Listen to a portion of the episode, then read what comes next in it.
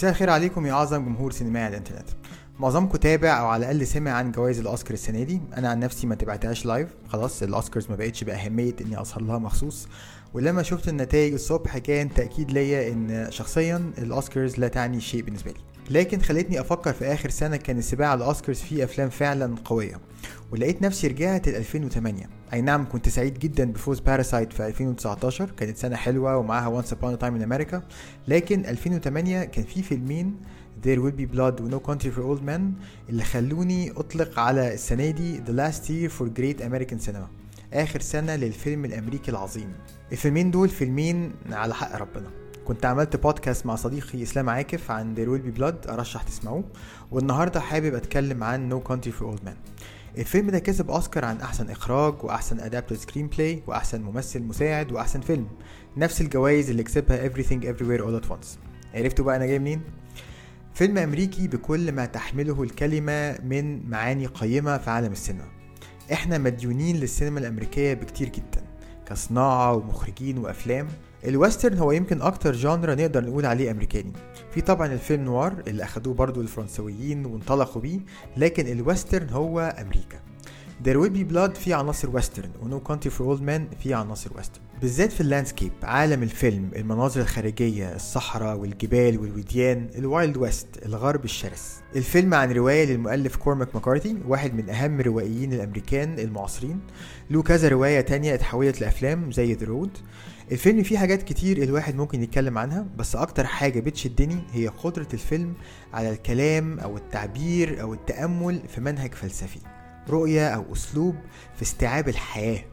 والمنهج أو الفلسفة هنا هي العدمية. والفلسفة دي مش من خلال ديالوج وحوار وتنظير لأ ده من خلال عالم وحبكة وأحداث ومواقف وشخصيات. وبالذات في شخصية أنتون شيجور اللي لعب دوره هافيير باردام وأخد عليه أوسكار مستحق جدا. أنتون شيجور مش مجرد villain أو شرير هو حتما واحد من أهم الأشرار في تاريخ السينما بس هو كمان فكرة. هو فكرة تمشي قدما في الفيلم فكرة برجلين مش عارفين أصله إيه ولا من أي بلد ولا وصل أمريكا إمتى وإزاي. بيظهر كده فجأة شيطاني من لا شيء. شعره غريب لا ينتمي لأي موضة. لبسه غريب مش زي اللي حواليه. لكنته ملهاش أصل. وشه مفيهوش أي تعبيرات. تحس نبضات قلبه عمرها ما بتترفع. عامل زي السحالي. ولما بيقتل بيقتل بطريقة بشعة. قوة هائلة الضحية ما تحسش بيها. ما بيحسش بالألم. عينيه مرعبة. تحس مفيش أي حاجة وراها. هو باختصار الموت ومش أي موت الموت المفاجئ اللي ملوش مقدمات الموت اللي يخض ملوش مبرر أو علامات يصيب اللي يصيبه ويكمل على اللي بعده من غير أي تفسير من غير أي تبرير. من أحلى المشاهد في الفيلم هو لما أنتون شيجور يدخل محل صغير في بنزينة في وسط الصحراء ويقابل صاحب المحل ويخيره يخليه يختار وش ولا ظهر في كوين بيرميه. الصورة أو الفكرة دي هي العدمية.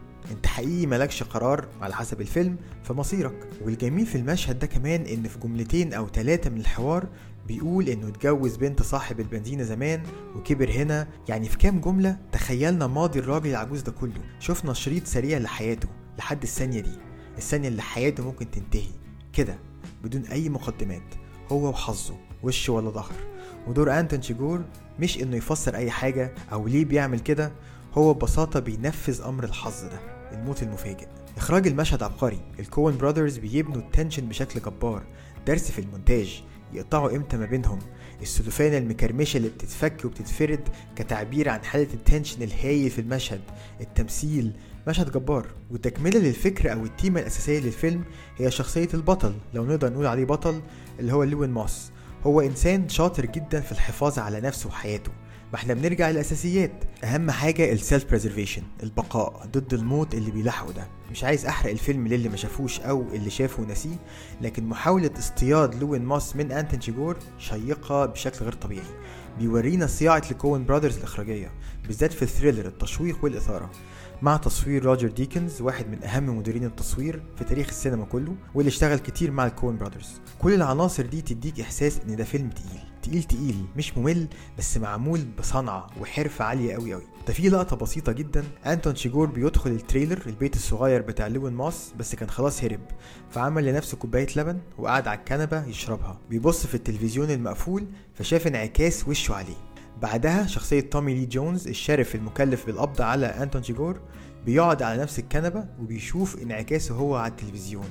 بنفس الطريقة. لقطة حلوة جدا مش عايز حتى أحاول إن أنا أحللها بكلام لأنها لقطات مرئية ما تتوصفش. لو اتوصفت هتقلل من قيمتها. وعلى الناحية التانية أو النقيض التاني من أنتون شيجور في النطاق البشري عندنا ال sheriff تومي لي جونز اللي مش قادر يستوعب كم العنف اللي بقى حواليه. ودي تيمة ال Coen Brothers بيحبوها جدا. شفناها برضو في فيلم فارجو شخصية ال sheriff الست اللي على نيتها الحامل اللي بتواجه مجرمين وعنف غير طبيعي وهي عيني مش قادرة تستوعب إيه ده. وحياتها هادية جدا. فتيمة هم بيحبوها جدا. تومي لي جونز في الفيلم بيحن لزمن مضى لما كان قادر يفهم بوضوح عناصر الخير وعناصر الشر. لكن دلوقتي ما بقاش عارف يستوعب مدى الشر فمش قادر يحاربه. والجميل بقى كمان إنه بيقابل عمه اللي كان sheriff مع أبوه زمان وبيقول له على مخاوفه دي. فعمه اللي من عصر قبله عصر الزمن الجميل اللي تومي لي جونز بيحلم بيه بيحكي له على جريمة أبشع من اللي تومي لي جونز بيواجهها دلوقتي بما معناه إن انتون شيجور ده موجود على مر الأزمنة. فيلم قوي جدا وعلى فكرة العنف فيه شيء مهم والعنف متصور بطريقة تليق بأهمية العنف. بس في نفس الوقت مش عنف ودم على الفاضي والمليان. في مشهد مثلا أنتون شيجور مجرد بيبص على جزمته بعد ما بيقتل حد ويخرج عشان يشوف جزمته جاي عليها دم ولا لأ. يعني جريمة بشعة بس إحنا ما شفناش عنفها. خلاص الرسالة وصلت. فيلم ممتع وقوي وأرجو أكون شجعتكم تتفرجوا عليه تاني أو أولاني اللي لسه ما شافوش عشان تشوفوا أفلام الأوسكارز اللي على الحق. شكرا على متابعتكم. ما تنسوش تعملوا like و subscribe على اليوتيوب وعلى البودكاست سيبوا review و rating. واشوفكم الفيلم الجاي. سلام. Thank you.